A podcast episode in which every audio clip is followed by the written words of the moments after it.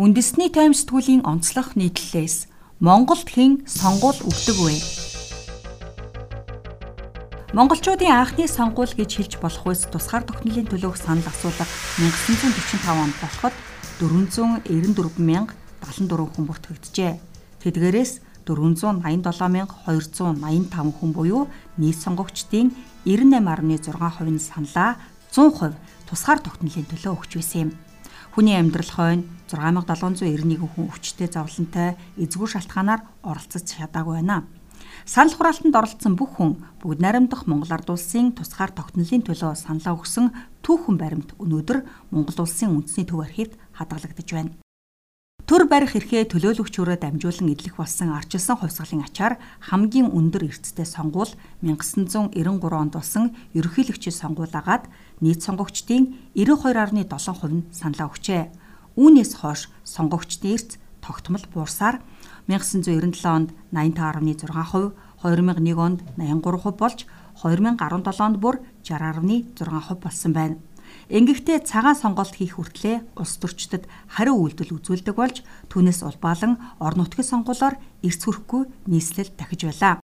2017 оны ерөнхийлөгчийн сонгуулийн 2 дахь санал хураалтын дүнгээр нийт санал өгсөн 1 сая 207,787 иргэний 99,494 иргэн буюу 8.23% нь санал огт тэмдэглээгүй буюу цагаан сонголтоор тоолуулж байжээ цагаан сонгуул буюу дугуйлалгүйгээр санал өгсөн оролцогчдын хувьд сошиал орчны идэвхтэй хэрэглэгчид байснаас үзвэл залуусын сонголт байлаа.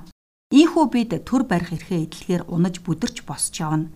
Энэ хугацаанд нэгэн таатай зүйл болсон нь 30 жилийн өмнө залуу явсан өнөөгийн ахмаг насныхан сонгуульд идэвхтэй оролцдог өөрсдөд нь чиглэсэн мөрийн хөтөлбөрийг боловсруулагчдыг дэмждэг болжээ. Нийгэмд эзлэх насны бүлгээр тэд базаахгүй ч идэвхтэй байдал давуу нөхцөлийг бий болгож байна. Монголд хэн төр барьж хэн сонгох эрхээ эдлэж байна вэ гэдгийг хариулт үнтэй ч холбоотой. Иргэдэг насны сегментээр нь ангилж тэднийг сонгуульдоо идэвхтэй оролцоход анхаарлаа хандуулах ёстой сонгуулийн ерхий хороо ажлаад дутуу долмиг гүйцэтгэдэг болохоор 2020 онд аль насныхан хэрхэн сонгуульд оролцсон бэ гэдэг мэдээлэл алга. Сонгуулийн ерхий хорооны хийх ёстой ажлыг судалгааны байгууллагууд хийж буй бөгөөд тэдний олж мэдснээр 2016 оны улсын хурлын сонгуулиар сонгогчдын сонгуулийн итгэх нас ахих тусам нэмэгдэж байжээ.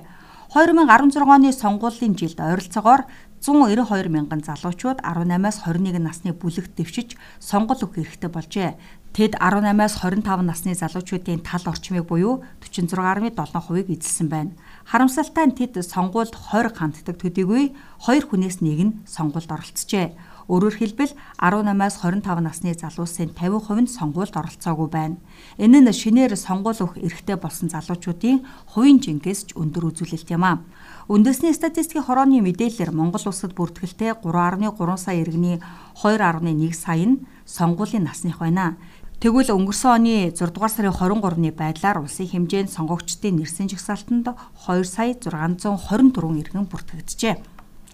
Сонгуульд оролцож саналаа өгөх нийт иргэнээс 18-аас 24 насны 324 мянга гаруй, 25-аас 45 насны 1 сая орчим, 45-аас дээш насны 740 мянган иргэн байна.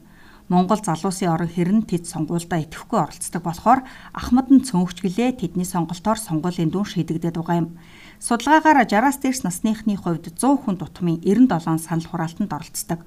Өөрөөр хэлбэл сонгуулийн насны 10 залуу тутмын 3 нь саналаа өгч байхад 10 ахмад тутмын 9 саналаа өгöd байгаа хэрэгэ. Ерөнхийлөгчийн сонгуулаар энэ тоонд баг зэрэг өөрчлөлт орох нь тодорхойч байран солигдохгүйц өөрчлөлт орохгүй л болов. Хөгжил сайтай гадаад орнуудад сонгуулийн эрс тийм өндөр байдгүй статистик мэдээлэлээр харж болно. Гэхдээ эдгээр орн нь голдуу хөгжингүй орнууд бөгөөд нийгэм эдийн засгийн хувьд хүчтэй улсад юм. Тиймээс ч иргэд нь улс төрийн оролцоо сул байдаг. Харин манай дахамдууд сонгуул хүчтэй нөлөөлөх нь гарцаагүй учраас эрх баригчид тэднийг ямагт анхаарч халамжилж ирсэн үнэ. 2 жилийн өмнө ерөнхийлөгчийн санаачлагаар Ахмад насны тэтгэврийн зээлийг тэгсэн бол одоо сонгуулийн сурчлагаа эхлэхдээ зэрэгцээд зээл аваагүй ахмадуудын саналыг татахын тулд сая төгрөг тараахаа мартсангүй нь үүний жишээ. Мөнгөтэй дууга захиална гихчээр Ахмад наснууд маань сонгуульд идэвхтэй оролцохоо мэднэ. Харин залуус яах нь одоохондоо ойлгомжгүй байна. Тэд итгэвчлээ гэд 10 залуу тутмын 5 саналаа өгвөл том амжилт болно. Энэ тоо 9 болбол өнөөгийн улс төрчдийн хэнийхэн ч тооцоолоогүй үр дүнг авчирч мэдэх юм. Сонгуульд хэн нэрээд ишүүлээ гэдгээс илүү аль насныхан идэвхтэй оролцох вэ гэдг нь чухал. түүнд таацуулж нам өвслүүд өөр өөрсдөө нэр дэвшчээ тодруулдаг бөгөөд шин залуу үеийн төлөөллийг төдийлөн дэвшүүлэхгүйгээр шин юм хүлээгээд нэмэргүй болсон өвөө нараа улираан дэвшүүлээд байдаг нь учиртай. Танигдсан диптотыг нэрийн дэвшүүлэхээр ахмадуу дэмжих нь гарцаагүй гэсэн сэтгэл зүйн тоглолт давмгаалаад байгаа хэрэг. Үүнтэй уялдуулан халамж, тэтгэмж, түүнлуга, эмнэлэг, эрүүл мэндийн үйлчилгээгээр нийгмийн сөхрүүлэх хөтөлбөрийг улс төрчид дэвшүүлж байна. Ажлын байранд анхаарлаа хандуулдаг хамгийн том хүчин зүйл нь тэнд ажиллах сонгогчд нь сонгуульд нэмэргүүтэй холбоотой. Ирж яваа цагийн дуг харж яваа хүн дуулдаггүй лээ.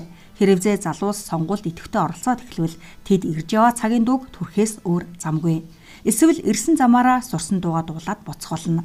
Их хурлын сайд болоод ч сэтгэл чинь ханч цадахгүй гэж дуунда хүртэл шүмжилдэг шигэ төр барих эрхээрээ хүснээ дэмжих боломж залууст байна. Тэд дууга дуулаад дугуулхаа дугуулах цаг нь болсон мэд. Өөрчлөлт өөр хэнийгч биш өөрсдийнх нь билээ.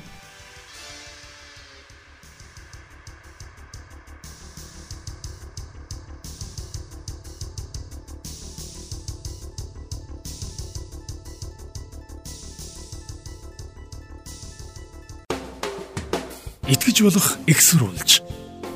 Игэл радио 91.1